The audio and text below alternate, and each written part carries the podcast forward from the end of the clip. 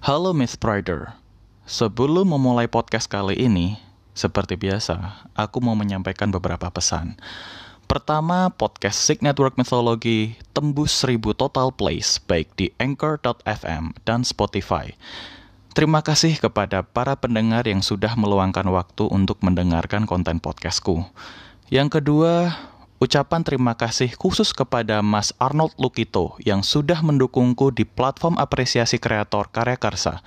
Apabila kalian juga ingin mendukungku, kalian bisa ke www.karyakarsa.com slash podcast mitologi, karena dukungan kalian akan membantuku untuk terus berkarya.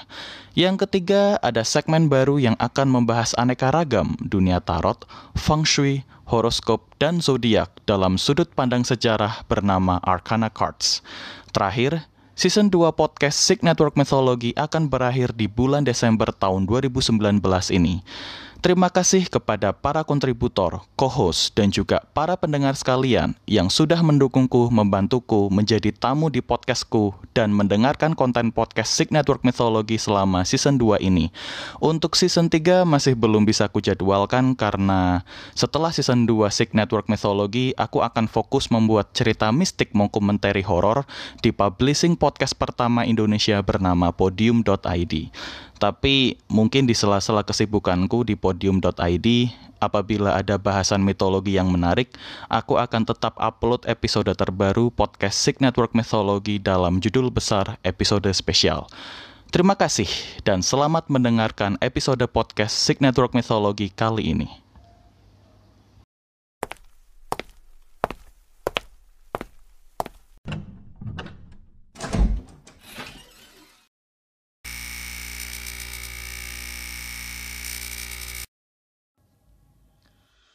Halo Myth Prider, salam Starship. Namaku Sig Aegis.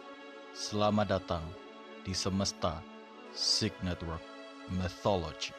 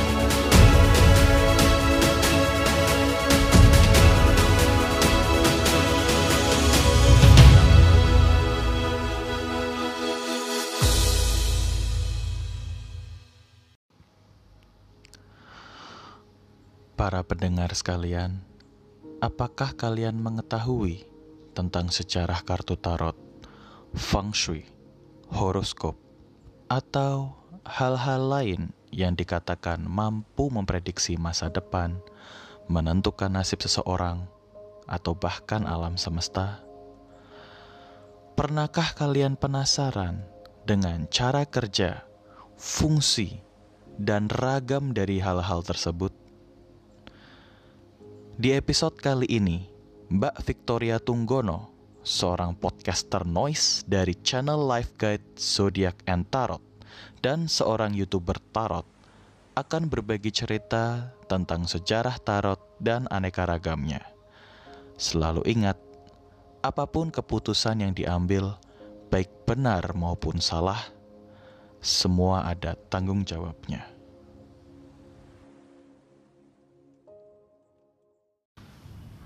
Halo semuanya, salam Starseed. Namaku Sik Aegis. Di kesempatan kali ini, aku berkesempatan ya, akhirnya bisa ketemu sama salah satu podcaster favorit. Dia mungkin bisa dibilang pembaca tarot ya.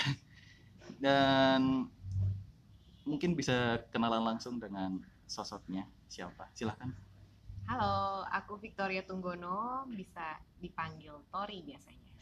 Oh, panggilannya Mbak Tori berarti ya? Mbak Tori betul. Oke. oh, saya baru tahu gitu.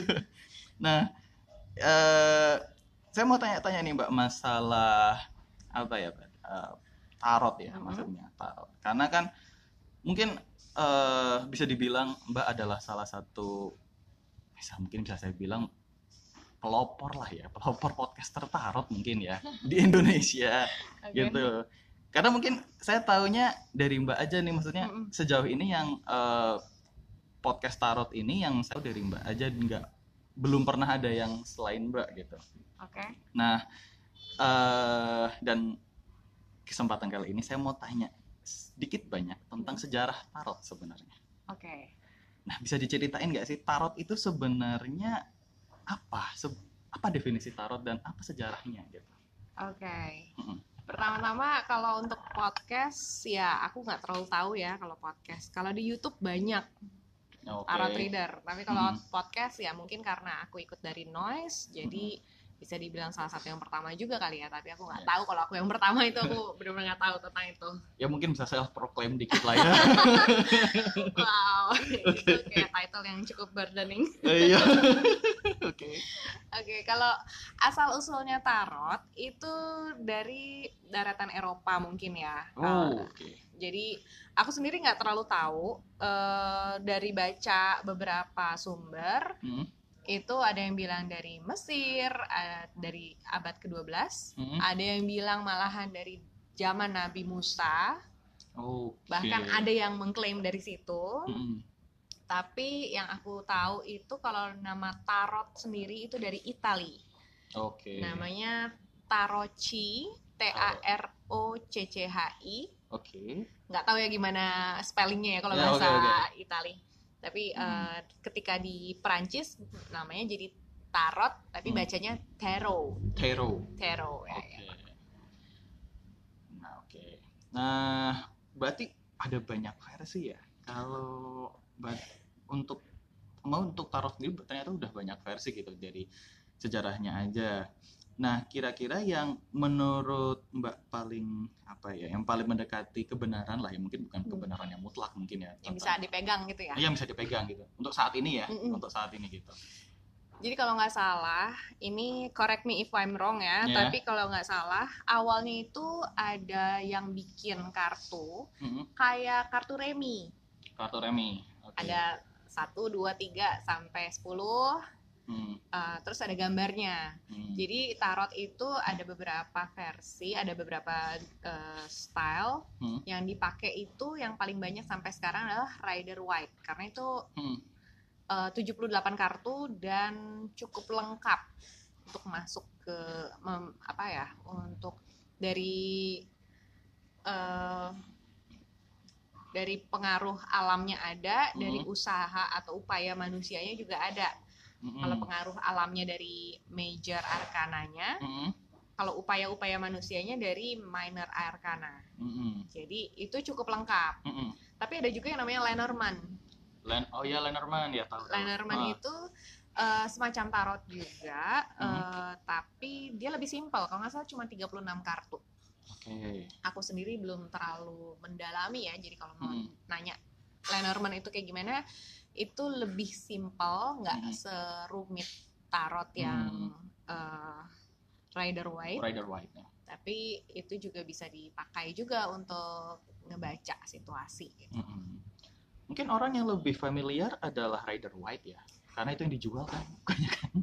Ya, itu kayak semacam kalau di Indonesia itu yang pertama kali jadi tren itu Iya. kayaknya eh, lebih ke si Raider White. Iya, yang kartunya kecil-kecil itu kan isinya Emang nggak salah kartunya cuma sekotak kecil gini doang kan ya? Sebenarnya kalau kartunya mau ukurannya kecil, seukuran kartu remi atau lebih besar itu macam-macam. Macam-macam ya. Kalau Lenormand itu eh, cuman 36 jadi lebih tipis. Mm-mm. Kalau Raider White yang 78 kartu jadi lebih tebel. Itu aja sih. Oke. Cuman kalau ukurannya ada yang kecil, ada yang malah besar sampai tangan kita sebagai orang Indonesia Oh, nggak iya. mampu pegangnya itu Iya. juga ada.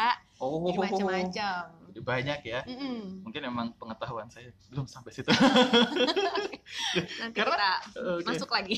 Oke, karena kan memang tarot ini yang eh, mungkin saya pernah waktu itu kan eh, ketemu sama salah satu pembaca tarot ya pas waktu kuliah di Bandung gitu. Hmm. Rata-rata pakainya Rider White rata-rata. Jadi kayak semacam kayak oh kayaknya kalau m- mungkin saya tanya ke orang tarot pasti bawanya Rider White gitu. Jadi kayak semacam apa ya qualified qualified things jadi kayak lo pengen jadi seorang tarot berarti lo pakainya Rider White Harus gitu. bisa Raider White Uh, ya. uh, karena ternyata Rider White itu ini correct me if correct me if I'm wrong juga ya. ya. Mm. Saya taunya justru pengetahuan tarot itu dari Carl Gustav Jung, Oke. khususnya yang major arkananya gitu. Oke. Saya ceritain nggak? Sebenarnya seperti apa sih kaitan antara Carl Gustav Jung dengan tarot gitu seperti apa? Jadi kalau Carl Gustav Jung itu tahun berapa? Beliau itu 1800-an. ya? 1800-an kalau Ah. nggak salah di Swiss. Jadi eh, tarot itu kartunya udah ada dari tahun eh, ada yang bilang abad ke-12, tapi yang paling terkenal itu mulai terkenal mungkin di abad 15 yang Abad di 15. Italia dan Prancis. Jadi Mm-mm. negara-negara Eropa yang tidak berbahasa Inggris Hmm. malahannya. Nah, eh, di sana eh, mereka pakai kartu-kartu yang seperti remi ini Hmm. dinomerin, tapi lebih untuk game awalnya. Mm-mm. Baru ada seseorang, aku lupa siapa namanya, yang mulai pakai kartu-kartu itu untuk ngeramal. Nah, Mary Ann Lenormand kalau nggak salah, Mm-mm. dia yang mulai kalau nggak salah Mm-mm. Mary Ann Lenormand itu yang eh, bikin Lenormand pertama eh, dengan versi sendiri. Oh gitu. Iya, gitu. Mm.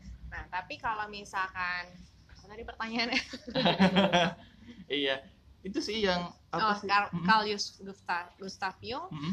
itu beliau itu pakai kartu-kartu major arcana dikaitkan sebagai archetype Mm-mm. atau eh, bagaimana kehidupan manusia, siklus kehidupan manusia itu Mm-mm.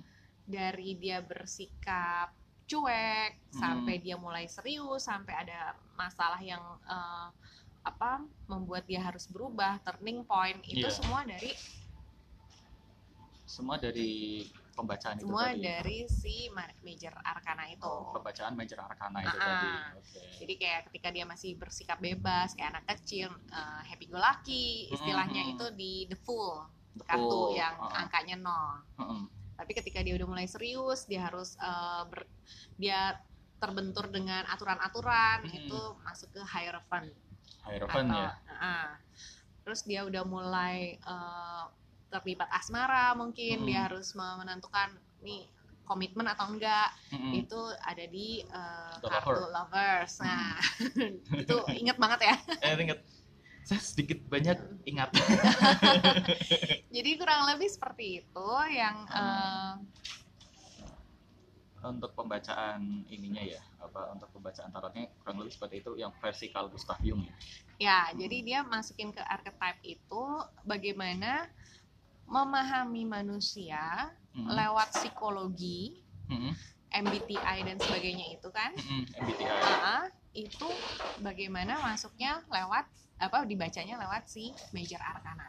Oke, jadi fungsi kartunya bukan sebagai meramal ya ternyata, Bu, tapi lebih ke bagaimana cara memahami manusia gitu. Kalau buat aku pribadi, aku nggak suka kalau dibilang kartu tarot itu ngeramal. Oke. Karena itu ya ada yang bilang mendahului Tuhan atau Iya. apa. Kok kayaknya kita sombong banget bisa Mm-mm. meramalkan masa depan gitu. Ya. Buat aku pribadi, nggak tahu kalau yang lain ya, tapi Hmm. kalau buat aku pribadi ini kartu untuk men- membaca situasi saat ini Mm-mm. di mana kita berada, kita sendiri sebagai uh, objek yang dibacakan Iya. dan situasi di sekitar. Betul. Misalkan di sekitar ada yang uh, menuntut perhatian kamu nih, Mm-mm. misalkan kayak gitu. Betul. Atau enggak kamu diminta semesta untuk lebih uh, fokus sama karir kamu Mm-mm. seperti itu. Jadi untuk supaya kita lebih paham eh, kondisi kita saat ini Mm-mm. Dan akhirnya kita jadi tahu kita harus ngambil langkah yang mana. Oh. Karena orang kan bingung tuh, Mm. aduh gua harus ngapain ya karena dia nggak paham. Mm-mm. Buat aku sendiri ini lebih untuk eh, memahami situasi Hmm. supaya bisa mengambil langkah eh, yang tepat untuk ke depannya. Mm-mm. Jadi kalau misalkan eh, dibilang meramal kan seolah-olah si pembacanya, si pembaca tarot ini yang meramalkan kamu ngambil Hmm. langkah ini deh. Mm-mm. Ya kalau nggak sesuai gimana gitu kan? Betul. Nah, kan kita sendiri nggak terlalu kenal sama yang dibacakan sebenarnya. Ha-ha. Nah, kalau misalkan hanya membacakan situasi, Mm-mm. kita membiarkan atau memberi kesempatan bagi eh, si di- yang dibacakan Hmm. itu untuk mengambil eh, langkah sendiri. Mm-mm. Jadi nggak ditun cuma di cuma dikasih hint aja nih Mm-mm. yang terjadi ini ini ini silakan ambil langkah sendiri Betul. mau yang seperti apa kayak gitu sih Berarti lebih kayak decision maker ya.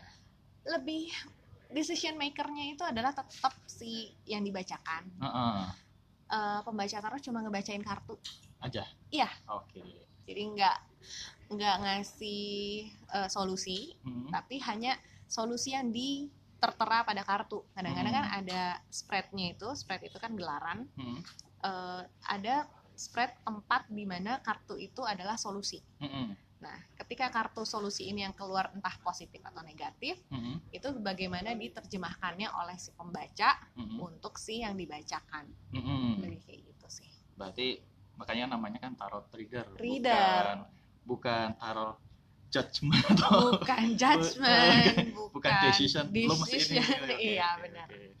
Ya namanya juga tarot reader bukan ini. Jadi betul eh, ini sedikit banyak nambah wawasannya. Jadi Mm-mm. nggak nggak serta merta orang yang pintar tarot eh, kalian semua bisa langsung ngecap mereka dengan julukan mendalui Tuhan atau Kal- atau iya. atau peramal atau apa yang mereka cuma hanya membacakan saja just it gitu kalau buat aku aku hanya membacakan mungkin ada juga pembaca lain yang memang punya gift ya Mm-mm. untuk eh, punya fortune telling juga Oh, fortune telling ya istilahnya Ah, ah, kalau eh, dia udah punya forecast forecast Mm-mm. artinya udah tahu apa yang akan terjadi nih prediksi ke Mm-mm. depannya mungkin ada yang seperti itu tapi kalau aku lebih untuk khusus baca kartunya aja Oke. Eh, kartu mau ngomong-ngomong masalah tarot nih. Mm-mm. Eh, tadi kan sempat disinggung masalah beberapa kartu itu fungsinya untuk apa Mm-mm. gitu. Nah, eh, mungkin bisa dijabarkan lagi nggak? eh, jabarin lagi nggak beberapa kartu yang fungsi, fungsi dari kartu beberapa fungsi dari kartu yang mungkin sering muncul atau mungkin eh, yang mbak tahu gitu Mm-mm. fungsi beberapa kartunya itu seperti apa misalnya kayak judgment atau apa gak perlu semuanya sih cuma beberapa aja maksudnya kalau yang sering muncul itu juga kayak nggak bisa aku ini ya aku terus terang nggak terlalu inget oke. Udah ngebacain aku lupain. Oke, karena oke, kalau oke. nggak kan baggage ya. Iya oke oke. Tapi kalau misalnya kartu yang sering itu nih langsung judgment aku Oke. bukain. Kalau judgment itu kayak artinya seperti judgment itu kan eh, penilaian. Penilaian ya. Kalau di kartu ini namanya pengadilan akhir.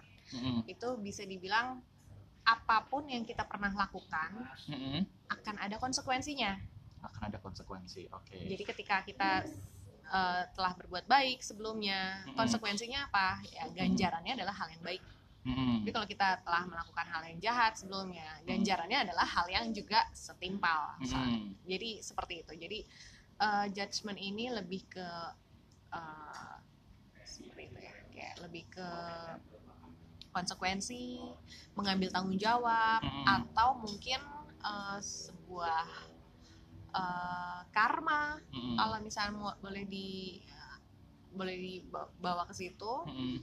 Hmm, atau apa pun ya maksudnya kalau kita ngebacain kartu kadang-kadang kita bukan cuma inget eh, satu kartu ini artinya apa tapi kita nge- ngebaca gambarnya Mm-mm. betul jadi ketika ngeliatin gambarnya oh ini apa apa seperti Mm-mm. itu sih terus coba satu apa dua lagi deh kartunya. lagi? coba oke ini seven of cups seven of cups seven Minor of berarti ya? cups ini minor Ah, arcana ah, ah. benar Oke. Jadi ini sebenarnya kalau mau pakai kartu remi juga bisa Mm-mm.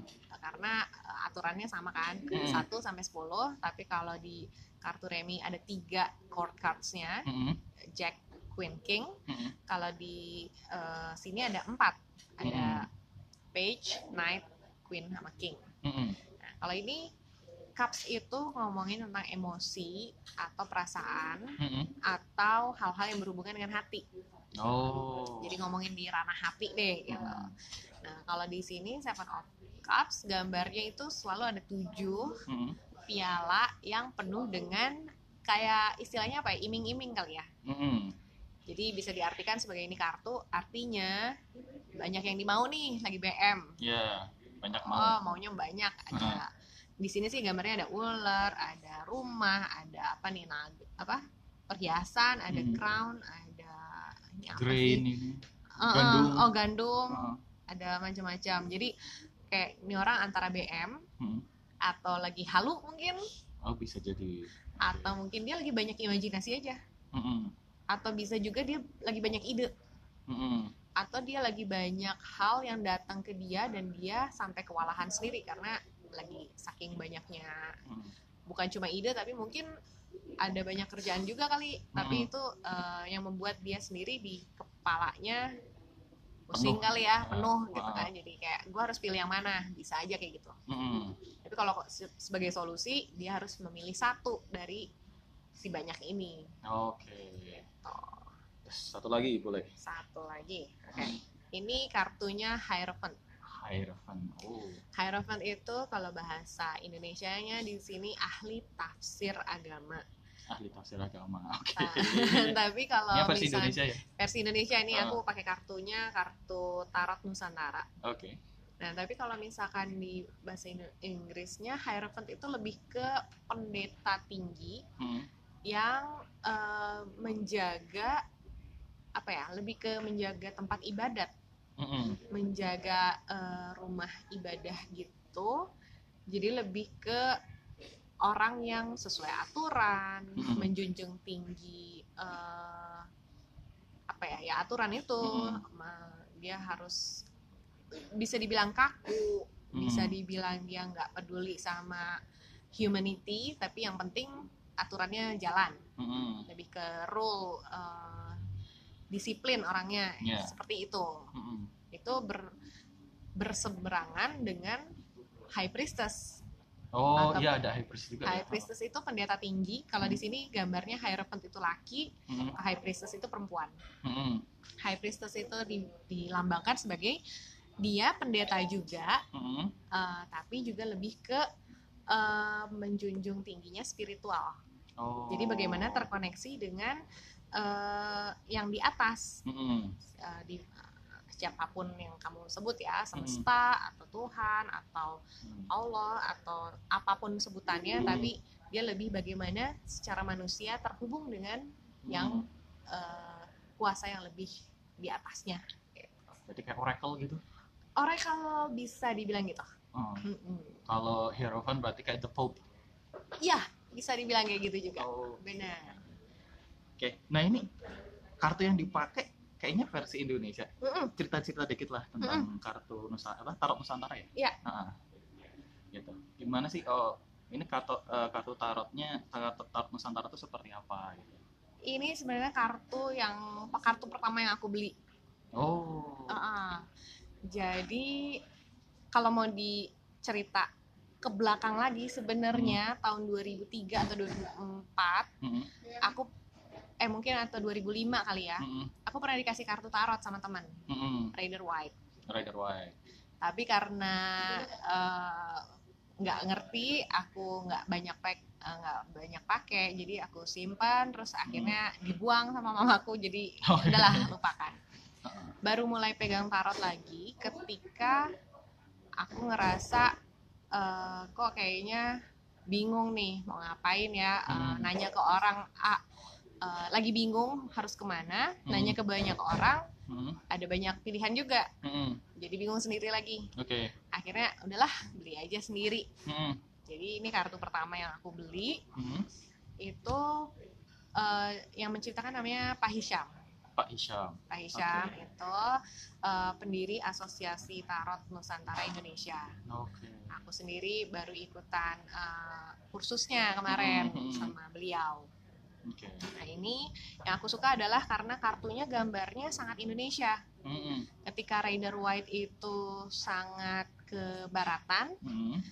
di sini ditambahin eh, ornamen-ornamen seperti wayang, Mm-mm. agak-agak wayang gitu deh ya, kepalanya tuh ada Menarik sih di sana. benar. ah, ada ada Batiknya. apa, batiknya, Heeh. selalu pakai batik.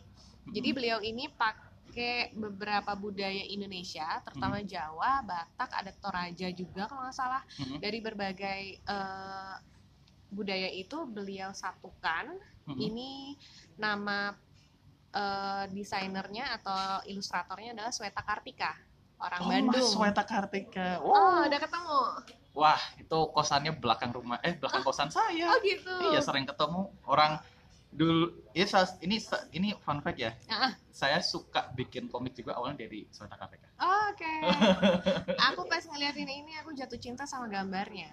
Oke. Pertama lebih ngerti Sweta Kartikanya juga daripada Pak Hishamnya sendiri. Oh iya. Karena ya mungkin basicnya anak desain kan senengnya ilustrasinya ya, Betul. lebih ke visualnya dulu Mm, gitu. betul, betul. Nah ini yang aku suka adalah karena dia sangat-sangat wayang, sangat-sangat liatin gambar bulannya aja Oh, iya. sangat wayang. Sangat wayang sekali. Ah, ah, jadi eh ya pokoknya walaupun wayang itu mungkin hanya ke satu suku ya Mm-mm. Jawa, Mm. aku sendiri bukan orang Jawa asli, Mm-mm. tapi eh, ngelihat ini aja kayak udah Indonesia banget deh, seneng Iya, gitu ya iya. ngelihatnya, gitu. Dan ini kartu yang paling aku pakai sih.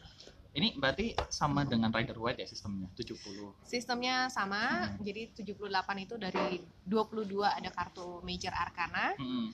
yang sisanya ada berapa tuh 56 ya Mm-mm. Eh, itu Minor. minor arcana jadi ada 5 suit suit itu bahasa Indonesianya apa ya aku pakainya setelan Ya mungkin. katakanlah ya Ya katakanlah mungkin seperti jadi itu ya. jadi ada 5 set Hah? Eh, yang satu major arcana Mm-mm. yang minornya ada 4 Minor empat. jadi kayak kayak kartu remi kan ada eh, hati wajik scope Oh. sama kriting keriting ya. Nah, kalau di sini adanya page, eh eh, adanya eh, sorry, adanya cups, Cups. pentacles, Pentacle. eh, wands, Mm-mm. sama eh, swords. Sword. Iya sword. Nah, Jadi cups itu piala, Mm-mm. eh, pentacles itu koin, Mm-mm. eh, wands itu tongkat, Mm-mm. sama si Sword pedang. swords pedang. Hmm. Iya nih. Ini jauh-jauh ke Jakarta ketemunya influence-nya Sweta Kartika lagi.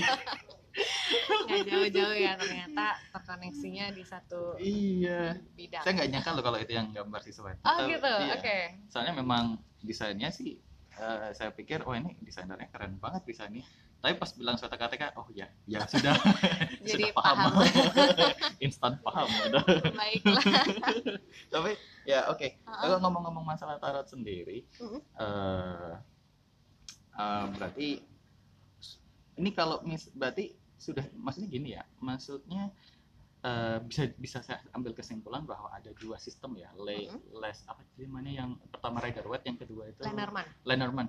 Berarti eh, rata-rata orang tarot harus bisa dua-duanya kah atau satu, salah satu aja nggak masalah? sih, salah satu aja. Salah satu. ada orang yang nggak yang malas belajar Mm-mm. atau malas ngafalin, ya Hmm. mereka lebih ke Lenormand karena lebih gampang, cuma Hmm. 36 kartu. Mm-mm. Kalau ini dua kalinya 78 kartu. Iya sih. Kalau mau lebih gampang lagi sebenarnya ada satu lagi namanya uh, Oracle Cards. Oracle, wah namanya aja juga Oracle ya. Oke. Udah pasti ramalannya. Iya. Bukan. Jadi kalau Oracle itu biasanya kita cuma keluarin satu kartu aja. Mm-mm. Aku lebih suka bilangnya itu kartu afirmasi kali ya.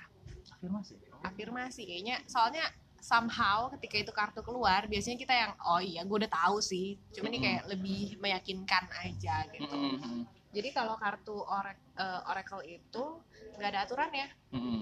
jadi ada yang isinya cuma 24 ada yang Hmm. isinya sampai 100 terserah sih yang bikinnya itu mau kayak gimana Oh. gitu Jadi kayak nggak ada patokan kayak Rider White yang harus segini jumlah kartunya atau yang Lenormand yang segini jumlahnya gitu. Iya, jadi benar-benar yang namanya oracle itu tergantung yang bikin. Tergantung yang Ah, aku punya beberapa oracle karena aku suka gambarnya jadi aku beliin. Hmm, Ada yang monologi. Monologi itu apa itu? dengan siklus bulan.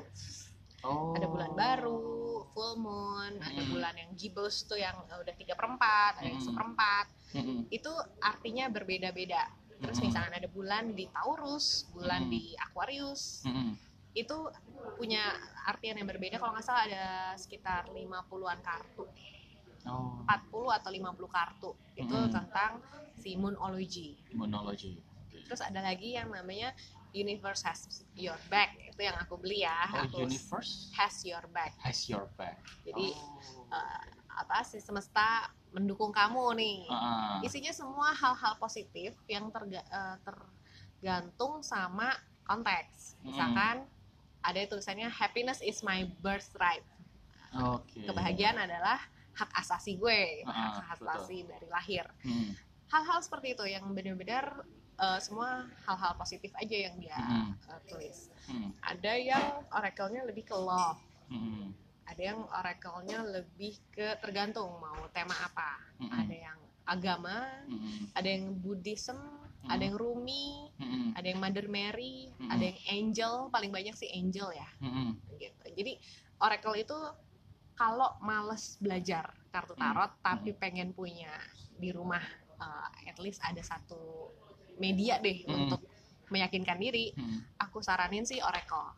hmm. Karena itu nggak usah belajar, dibuka aja langsung baca itu udah tahu artinya apa. Hmm, iya sih. Jadi kayak lebih mempermudah lah ya untuk untuk mungkin mempermudah orang yang nggak bisa orang yang nggak bisa tarot jadi akhirnya tahu tarot akhirnya akhirnya mungkin ada ketertarikan juga dengan tarot gitu dari oracle itu tadi kurang lebih ya. Nah cuma eh, apa ya? Berarti bisa dibilang cara yang paling mudah dong ya. Maksudnya cara yang paling mudah untuk belajar tarot itu dari oracle itu tadi. Kalau nggak mau belajar tarotnya, Mm-mm, oracle aja deh. mm-mm, Yang penting eh, daripada nanyain orang terus, eh, eh bacain gue tarot dong atau enggak ngeliatin tarot reader yang ini kok mahal atau enggak Mm-mm. nyari waktunya susah gue perlu sekarang juga nih Mm. untuk meyakinkan diri tapi nggak ada yang bisa ditanya mm-mm. oracle itu satu solusi yang paling gampang Oh, gitu. sama aja sebenarnya sama book of answer Mm-mm, dan sama juga seperti misalkan punya kitab suci di rumah kadang-kadang kan kita aduh nggak tahu mau baca apa nggak tahu mau buka Mm. ayat yang mana kita asal buka eh Mm. taunya pas ngebaca eh ini bener-bener yang lagi gue butuhin nih. Mm-mm, sistemnya sebenarnya sama. Mm-mm, karena kita main di energi ya. Mm-mm, jadi ketika kita energi kita seperti apa mm-mm. kartu yang kita kocok itu keluar sesuai dengan yang kita butuhkan. Betul.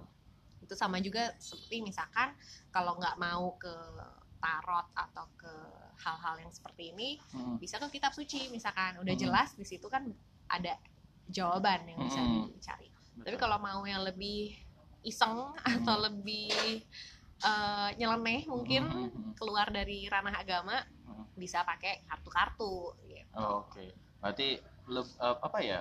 Kalau mungkin kalau kartu tarot yang pada umumnya kan kita masih mendeskripsikan gambar. Mm-mm. Tapi kalau yang oracle ini ya udah ada kata-katanya ngapain dideskripsiin gitu ya? kalau eh, eh, jadi kalau oracle sama sekali tidak mendeskripsikan Heeh. hanya ngebaca jadi kadang-kadang ada kartu eh, yang cuman isinya tulisannya happiness Mm-mm, atau isinya cuma positivity mm-mm, atau eh, apa namanya eh, disuruh berserah atau mm-mm. apa jadi ada kar- kartu-kartu itu udah sangat spesifik Spesifik ya. Heeh, jadi benar-benar cuma untuk eh, tahu what's next What's gitu. next, oke. jadi sama sekali nggak harus belajar nggak usah ngafalin nggak usah nyari tahu ini artinya apa nggak usah menerjemahkan gambar Iya. yang penting cuma baca udah gitu. Hmm, asik. Oke, menarik sekali. Ternyata banyak banget ya pengetahuannya ini benar-benar saya baru tahu loh maksudnya kayak kayak Lenormand terus ada ada versi Lenormand Oracle terus Mhm. ada lagi Rider White terus juga Tarot Nusantara tadi gitu. Mm-mm. Jadi mungkin eh, sedikit banyak ada ketertarikan diri sendiri sih untuk akhirnya mungkin. Beli lagi ya? Untuk untuk eh, ini sekedar info. Ya oke. Sekedar iklan. Oke boleh. aku lagi bikin juga kartu tarot. Oh menarik sekali. Tapi masih di major arcana aja Major karena kita arcana. masih mau mainnya di yang eh, gampang lah. Ya karena jauh lebih gampang belajar major arcana daripada yang minornya oh ya benar benar benar. Itu Mm-mm. benar sekali. Soalnya oke. Soalnya temanku itu dia juga eh, bisa dibilang eh, mungkin hampir ya mungkin hampir 80% lah ya Mm-mm. menguasainya cuma major arcana Mm-mm. rata-rata seperti itu tapi ada temanku yang di Bali dia sampai minor arcana juga bisa Mm-mm. cuma memang rata-rata permasalahan orang mungkin ini saya mungkin bisa jadi salah ya Ya.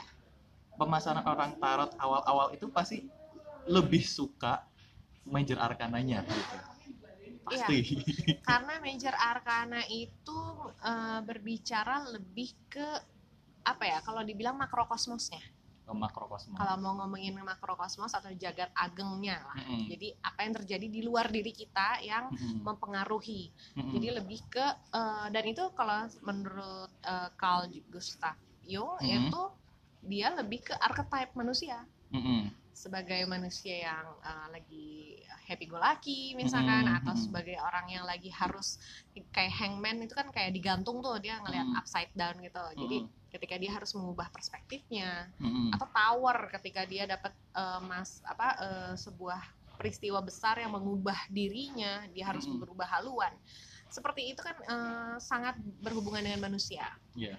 kalau minor itu lebih mendetil kayak misalkan eh, ya tadi ini misalkan yang ten of wands Hmm. katakanlah. Ini benar-benar lagi ngangkat beban lagi berat tanggung jawabnya lagi banyak. Mm-mm. itu kayak apa ya ngebacanya aja udah capek sendiri. Ya betul. Udah capek sendiri benar walaupun mungkin memang benar ini yang dihadapi tapi kayaknya ngebacanya aja capek gitu kan. Oh, apalagi kalau udah ngebukain source. Iya. itu udah yang namanya source itu dari as doang kayaknya yang bagus. Mm-mm. 2 sampai 10 itu isinya tekanan eh, apa namanya pokoknya tekanan batin banget deh jadi kayak Hmm. capek untuk bacanya juga mungkin itu kali ya yang bikin lebih Iya. senangnya ke major daripada Major. ke minor karena kalau minor udah lebih spesifik mungkin ya Mm-mm. daripada yang major major kan itu tadi makrokosmos jadi kayak lebih gambaran luasnya aja gambaran gitu. luas jadi Mm-mm. kita apa ya istilahnya nggak merasa dihakimi deh dengan nah betul apa pun yang kita ambil gitu kan langkah yang Ah. kita ambil gitu iya you get the bigger bigger picture bigger gitu. picture-nya Ah, gitu ah, oke. Nah ini aku eh, sama ilustrator Jogja aku bikin ya, Oh, oke. namanya Nomaden. Oh, Eh, kita bikin namanya East Tribe eh, Wisdom, Istra- artinya apa itu kearifan budaya timur. kearifan budaya timur Jadi kita ambil dari macam-macam suku di Indonesia. Hmm. eh, apa? Ada 22 kartu yang sebenarnya ngikutin Rider White juga, Hmm. tapi dengan stylenya Nusantara, gambarnya agak-agak buat aku sih imut ya. Hmm. cukup imut sih Oke. karena eh, aku suka gambarnya si nomaden ini awalnya gara-gara itu no Karena imut kece bukan dia ilustrator ini soalnya ilustrator buku anak oh Jadi. Kalau tarot nusantara ini kan sangat nusantara yang serius iya serius yang serius. indah gitu iya kalau ini tuh yang cuma eh, bukan cuma sih tapi versi yang lebih ringannya mungkin Mm-mm. gitu oke stylenya seperti ini oh iya iya iya agak pop, Oh. agak pop art gitu ya pop, eh, eh, grafis banget, mainnya di color dan Oh. ke suku-suku gitu. Wah menarik banget nih Eh, desainnya eh, cuman doakan ini Januari selesai. ya, amin Masih amin on saya progress. saya menunggu sekali nih ya siapa tahu saya tes testing juga Iya bener. Itu untuk belajar itu gampang banget karena Heeh. kita pelajari dulu yang si makrokosmosnya Oh, makrokosmosnya dulu ya sebelum kita belajar yang mendetil. mendetil Oh, gitu lebih baik belajar makrokosmosnya dulu Iya, oke lebih menarik dan lebih gampang aja sih. Ah, oke ini saya ada request nih.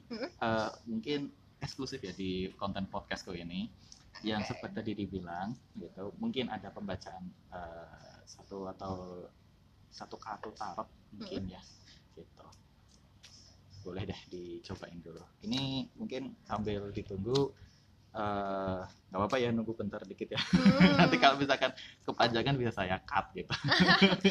temanya apa nih? Apa ya? Ah, tadi apa ya? Saya sempat lupa sih. Saya eh, Mau bacaan eh, sama bulan oh ya nama bulan itu tadi. Bulan berarti bulan Desember ya. Desember Desember sih Mm-mm. boleh. Ah, untuk semua orang. untuk semua orang. Oke, bulan Desember untuk kita semua Iya. di soal- penghujung 2019. Iya, karena kan biasanya gini kalau di 2019 itu pasti kalau siaran TV atau media pasti bacainnya prediksi tahun depan, prediksi tahun Oh, depan gitu. Kita Tapi itu terlalu besar lah ya. mengakhiri aja tahun 2019 ini ya. Iya. Oke. Karena podcastku juga ini kebetulan nanti juga bakal berakhir di eh, Desember ini untuk season 2. Oke. Season 2 berakhir di bulan eh, ini dan bisa dibilang Mbak adalah salah satu list terakhir saya. Oke.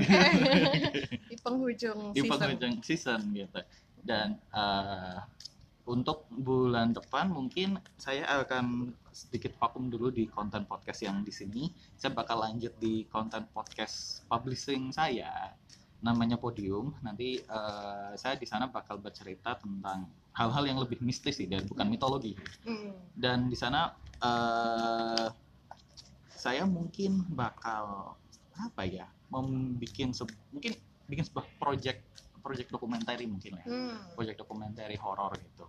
Bukan ya bukan seperti di What I See yang bacain cerita orang atau seperti apa gitu tapi ini lebih ke project uh, mockumentary mockumentary bukan dokumenter sih tapi mockumentary Apa tuh mau komentar? mockumentary itu sebenarnya lebih ke cerita fiksi tapi Hmm. settingnya dokumenter gitu Oh, oke. Ah, ah, gitu jadi kayak pengalaman-pengalaman mistisnya lah gitu cuma nanti mungkin kalau saya ada kesempatan ketemu dengan uh, co-host-co-host yang menarik mungkin saya juga bakal upload beberapa tapi uh, tidak dalam scoop season 3 gitu Oke. cuma uh, scoop yang uh, ringan-ringan saja Oke, berarti podcast tuh ada season-seasonnya juga ya? Ini kalau aku sih lebih kalau aku lebih pingin season saja karena capek kalau misalkan harus setiap hari ini ya harus setiap hari apa uh, on air atau apa karena saya juga punya kesibukan utama sih. Oke, oke, oke, oke, sama kita semua ya. iya. Jadi gimana? Wow ini udah ada nih kartunya nih. Kartunya aku bukain tiga, oke. Karena ini yang paling gampang. oke. Hmm, kartu pertama adalah Judgment. Oke, judgment. Jadi Judgment aku rasa kalau ini berlaku untuk kita semua, Judgment Hmm. itu lebih ke yang seperti yang tadi kita udah bahas, Hmm. konsekuensi. konsekuensi Jadi bisa dibilang untuk menutup tahun ini eh, apa ya kalau di dalam buku tuh kesimpulan deh refleksi bab kesimpulan Iya, bab atau kesimpulan. refleksi atau Rangkuman. kontemplasi gitu kan Nah, itu bukan ke kontemplasi tapi lebih ke rangkuman, rangkuman ya, jadi rangkuman selama 2019 eh, selama 2019 ini gimana mungkin kita masing-masing di rumah bisa eh, refleksi diri juga Mm-mm. apa aja sih yang udah kulakukan nih selama Betul. 2019 mungkin lebih ke situ ya oke atau apa pun yang kita sudah mulai di awal tahun Hmm. atau sepanjang tahun Ya. mungkin ada hasilnya yang kamu bisa ambil di 2000 eh, di bulan Desember ini Mm-mm. Mungkin eh, ada jawaban Mm-mm. yang dapat atau mungkin apa pun yang sudah dimulai bu- sudah mulai bisa diambil hasilnya Mm-mm. di bulan Desember Iya.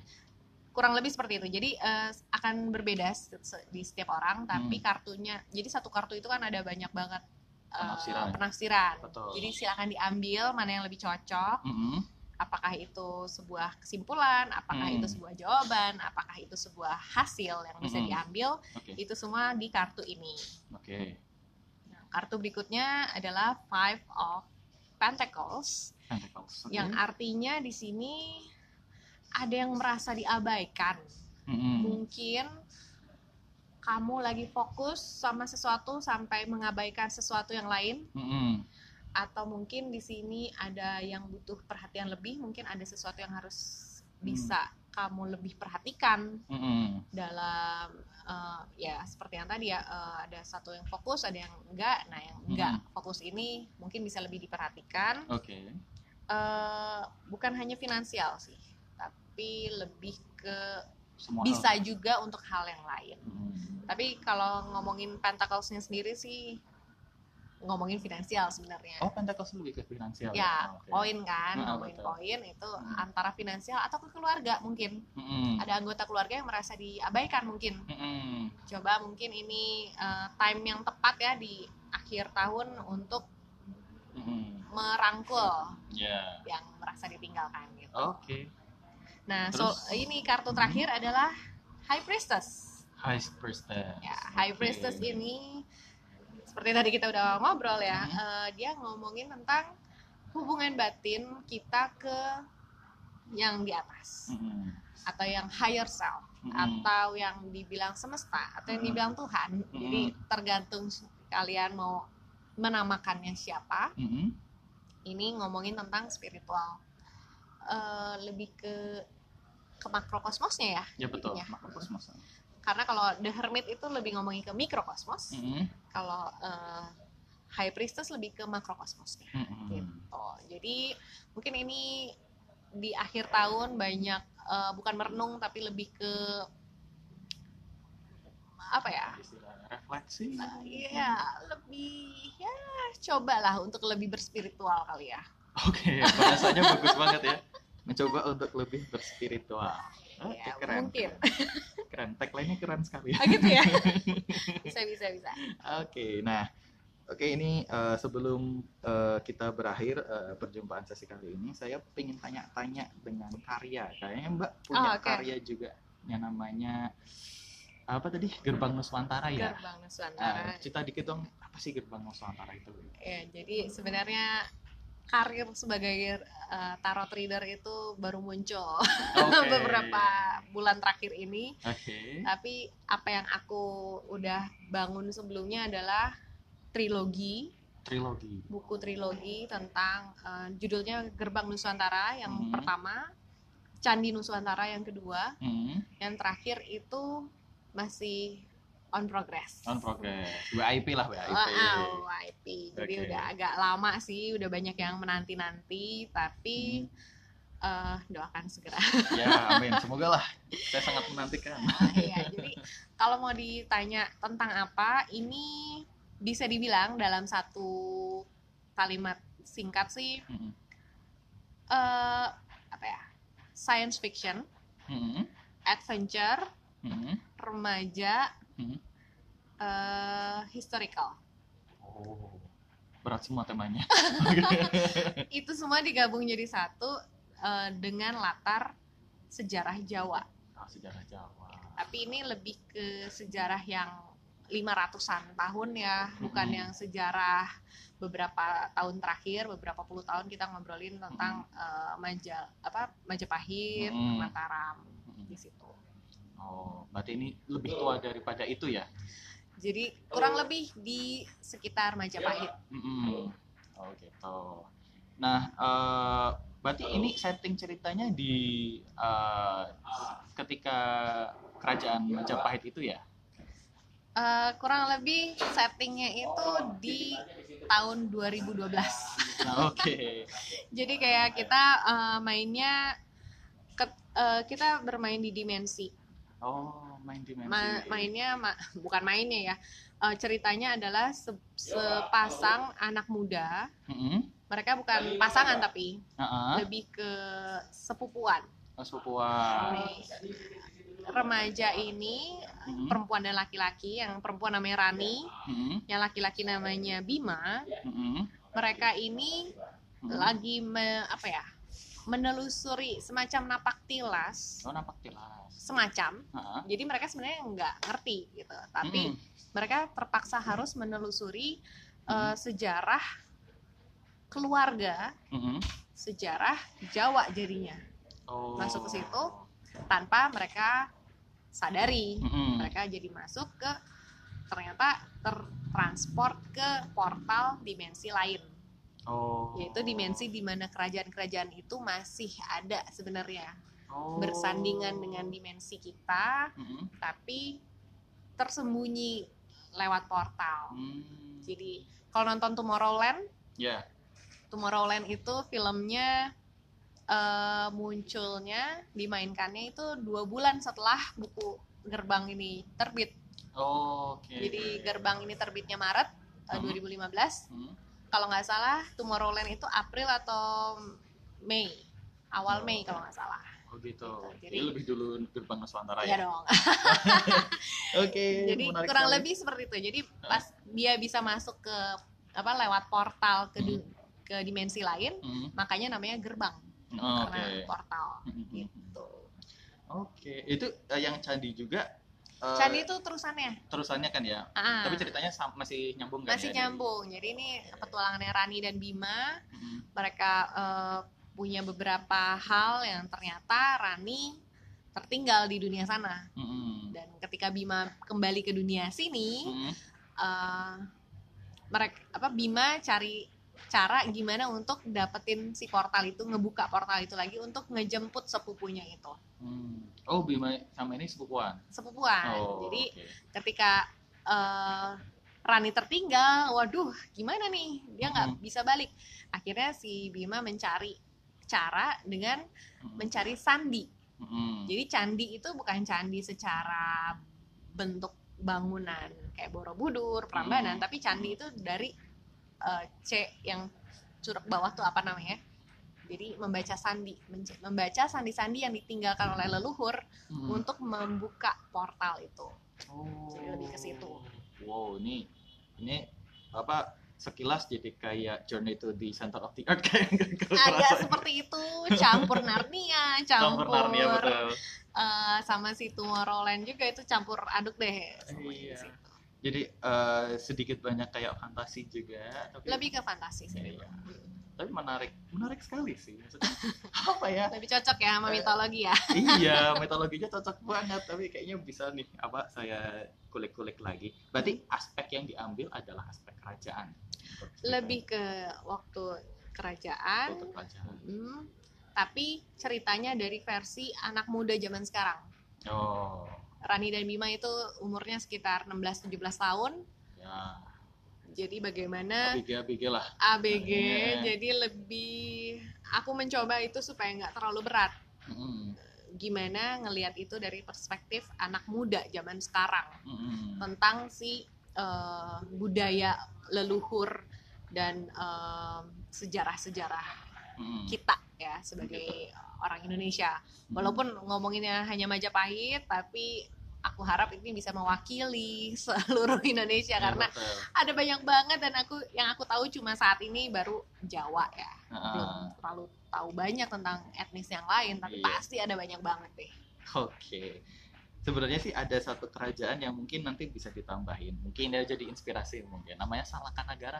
Oh ya, Salahkan Negara. Salakanagara. Gitu. Kalau yang tahu Angling Dharma atau apa itu biasanya tahunya Kalau Salakanagara. yang aku tahu Salahkan Negara itu jauh jauh jauh banget di sebelumnya lagi ya Ah betul.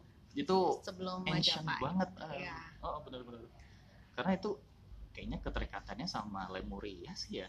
Nah kalau Lemuria aku kurang paham, dengar tapi nggak terlalu mendalami. Jadi aku mungkin kalau disuruh ngomong Lemuria aku nggak berani, nggak terlalu tahu banyak. Oke. Kalau Salaka Negara juga yang aku tahu juga hanya segelintir juga, makanya aku nggak terlalu mau ngobrol banyak. Oke. Majapahit pun sebenarnya aku nggak terlalu tahu ya, maksudnya yang namanya bukan arkeolog, bukan Ah. antropolog, bukan sejarawan, tapi Iya betul. Setidaknya Majapahit kan lebih banyak diulik ya, lebih Mm-mm. banyak yang ngomongin Majapahit. Jadi Betul betul. mungkin lebih tahu deh kira-kira seperti apa gitu. Tapi kalau ngomongin Salakanagara benar-benar apa ya Masih sangat jauh dan nggak punya data yang cukup untuk eh, ngobrolin kayaknya. Kepingan puzzle-nya itu terlalu bercacar Terlalu banyak. iya benar-benar terlalu. Iya. wah. Kayak Oke. masih harus ada apa eh, riset yang lebih mendalam kayaknya kalau. Ah, ah, sih benar. Iya, soalnya juga uh, kalau Majapahit mungkin kita sudah cukup familiar dengan uh, apa ya pendidik si apa ilmu-ilmu yang di sejarah anak-anak SD gitu ya. Jadi kayak udah mulai kita ini kerajaan Majapahit, kerajaan Sriwijaya dan memang benar itu kan kerajaan terbesar dulu kan, terbesar se Indonesia gitu. Dan memang masanya ya. Oh, oh, benar dan saya juga ada in, apa ada podcast yang membahas masalah Lemuria dan masalah eh, kerajaan-kerajaan Jawa ini. Jadi kalau mau dicari bisa ke podcast saya nanti bisa itu ada data yang lebih lengkap lah untuk kita Oke. pelajarin kita. Berarti nanti kita harus dengerin. Oke. Oke. Nah, kalau eh, berarti kalau gerbang Nusantara kan memang lebih ke apa ya berarti? Saya saya sih nangkapnya kayak eh, mengenalkan budaya, khususnya mungkin budaya kerajaan ke millennials ya. Iya, kurang lebih itu visinya sih seperti itu. Jadi Oh, kayak oke. kenapa harus anak muda? Karena supaya eh, kan sebenarnya buku-buku tentang itu udah banyak di Betul. toko buku ya. Cuman Betul. dari sisi anak muda itu mungkin yang jarang. Mm-mm.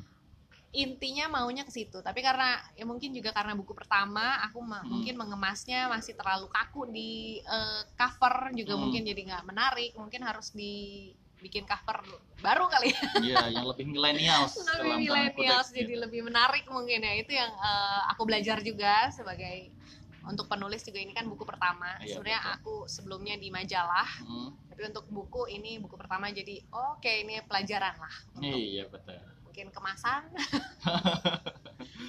Oke, wah menarik banget sih ini. Saya jadi pengen banyak tahu. Ya sedikit banyak ada keingintahuan tentang untuk baca buku ini satu saat nanti. Oke.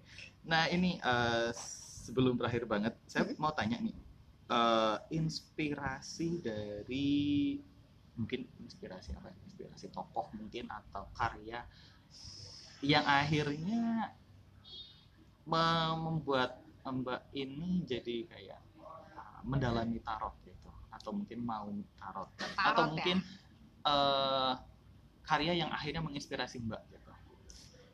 sebenarnya nggak ada kayaknya Oke. lebih ke kalau untuk tarot sih awalnya hanya untuk diri sendiri Awalnya untuk diri sendiri. untuk menolong diri sendiri nih aku Ah. harus ngapain sih gitu Mm-mm. Tapi ketika udah mulai banyak yang eh bacain gue dong teman-teman, keluarga, makin pede karena semua bilang eh tepat nih, bener nih, bener nih. Mm-mm. Dari situ kalau untuk inspirasi masih di Tarot Nusantara, eh, Hmm. masih di ada beberapa kartu yang aku suka yang aku beli dari Hmm. eh, UK. Mm-mm. Tapi kalau saat ini aku bilang inspirasinya dari E-Stripe itu terlalu narsis kali. Mungkin. Jadi eh, karena ada yang bilang kalau kamu tidak kamu pengen sesuatu tapi kamu nggak bisa nemuin itu di mana-mana, coba Hmm. bikin katanya gitu kan. Ah, betul. Nah, itu yang membuat aku dan si nomaden ini bikin Mm. eh E-Stripe ini karena Nice try. pengen oke yang tarot Nusantara udah ada tapi kita Hmm. mau lebih milenial seperti Hmm, biasa maunya yang milenialnya pop gitu art dan lain sebagainya. Yang pop artnya, gitu. yang senja dan lain sebagainya. seperti itu Oke. kalau karya seperti itu kali ya Ah, I see, benar. Oke, jadi juga saya juga ada misi sih sebenarnya untuk podcast mitologi ini. Jadi kayak semacam ingin ngumpulin fragmen-fragmen mitologi Indonesia yang sebenarnya kaya banget, tapi banyak yang nggak tahu karena rata-rata penggemar mitologi itu pasti nyambungin mitologi sama Mesir lah, sama Yunani lah, Mm-mm. sama Jepang lah, atau ya, whatever it is gitu. Jadi kayak kita lebih mendewakan mitologi lain, tapi lupa mendewakan mitologi kita sendiri gitu. karena bukan lupa tapi karena nggak tahu biasanya Itu dia Heeh. karena nggak tahu. Jadi saya cuma ingin menjembatani ketidaktahuan kalian tentang mitologi itu seperti apa. Gitu. kurang Jadi- lebih misinya sama sih aku Betul. juga eh, untuk gerbang Nusantara sendiri itu misi awalku adalah kalau hal seperti ini hanya aku yang tahu kok Hmm. kayaknya sayang banget lebih Mm-mm. baik disebarkan gimana caranya menyebarkan Hmm. kalau aku lewat buku Mm-mm. kalau Masik ini kan lebih lewat eh, Podcast, podcast, iya. jadi ya lebih ada gaungnya gitu ya Benar. Ya mungkin suatu saat bisa kolaborasi mungkin. suatu asik saat. asik Oke. ditunggu itu ya Ah, siap siap oke ini kayaknya juga udah cukup um, lama dan sebab pingin banget ngobrol banyak lagi tapi uh, mungkin di lain kesempatan mungkin di season selanjutnya. Uh, karena saya juga mungkin nggak cuma sekali ini aja mungkin pertemuan selanjut selanjutnya juga bakal uh, mungkin mencari co-host baru atau kolaborasi juga dengan co-host yang sudah pernah kolaborasi. Gitu. jadi pengen lebih banyak mengulik sih gitu. karena dasarnya saya emang pengen banyak tahu. Menarik. Menarik. Oke ya uh, paling sampai di sini perjumpaan kita dan mungkin sampai di sini juga episode uh, podcast Sig Network Mythology season 2 sampai jumpa di episode-episode selanjutnya dan sampai jumpa di season berikutnya. Bye bye para pendengar sekalian seperti itulah ulasan episode kali ini. Apabila kalian memiliki saran dan masukan terkait dengan bahasan episode selanjutnya, sampaikan dalam email sig.aikis at gmail.com dengan subjek ide untuk podcast mitologi atau kirim pesan ke media sosial podcast Sig Network Mythology seperti Facebook www.facebook.com slash podcastmitologi dalam kurung karya mesta. Twitter www.twitter.com slash podcastmitologi dan Instagram www.instagram.com slash podcastmetologi. Apabila email dan pesan yang masuk banyak, maka akan dibuatkan episodenya. Sebelum episode kali ini berakhir, kita simak iklan berikut ini.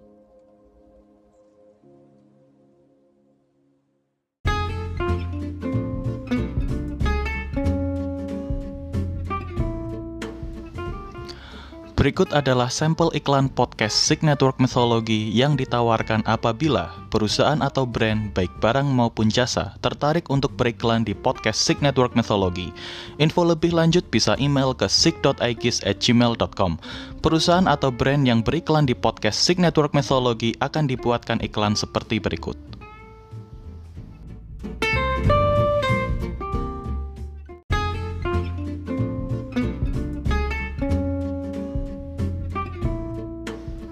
Penatnya pekerjaan sering kali membuat Anda berhalusinasi liburan ke tempat destinasi impian. Tapi di Argonaut Travel and Express, semua halusinasi kalian akan menjadi kenyataan. Liburan ke Jepang menjelajahi situs mitologi seperti ke Gua Takachiho atau Kuil Asakusa? Liburan ke Yunani menjelajahi situs mitologi seperti ke Kuil Athena Parthenon atau Kuil Zeus? Atau liburan ke situs-situs mitologi lokal Indonesia seperti Candi Borobudur atau Candi Prambanan, semua bisa diwujudkan bersama Argonaut Travel and Express dengan harga terjangkau. Diskon 20% bagi para backpacker atau traveler yang berulang tahun atau menjadi member Argonaut Travel and Express. Segera kunjungi Argonaut Travel and Express di Jalan Minerva nomor 1 Distrik Elysium, Kota Arayavina. Argonaut Travel and Express, sahabat perjalanan tapak tilas Anda. Anda.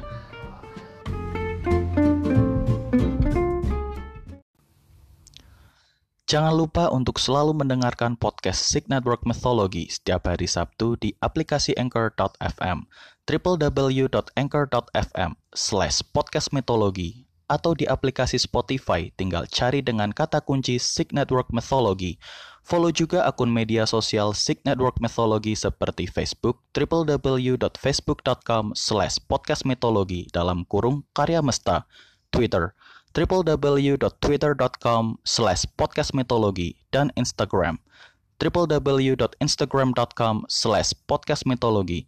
Jangan lupa untuk mendukungku di platform apresiasi kreator bernama Karya Karsa di www.karyakarsa.com slash.